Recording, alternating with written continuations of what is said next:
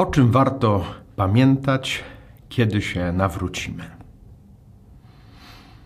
Może to dziwne pytanie, y, a może też dziwna konkluzja.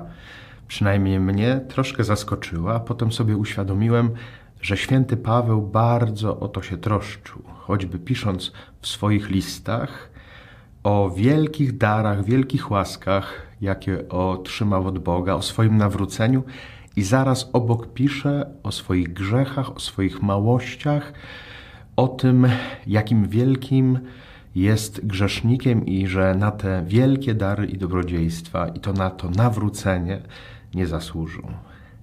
Jeżeli się nawracamy, czasami nas ogarnia taka błogość i byśmy pamiętali tylko o tym, co w moim życiu dobre, a zupełnie nie pamiętamy o naszych grzechach i o tym, co źle też zrobiliśmy w naszym życiu.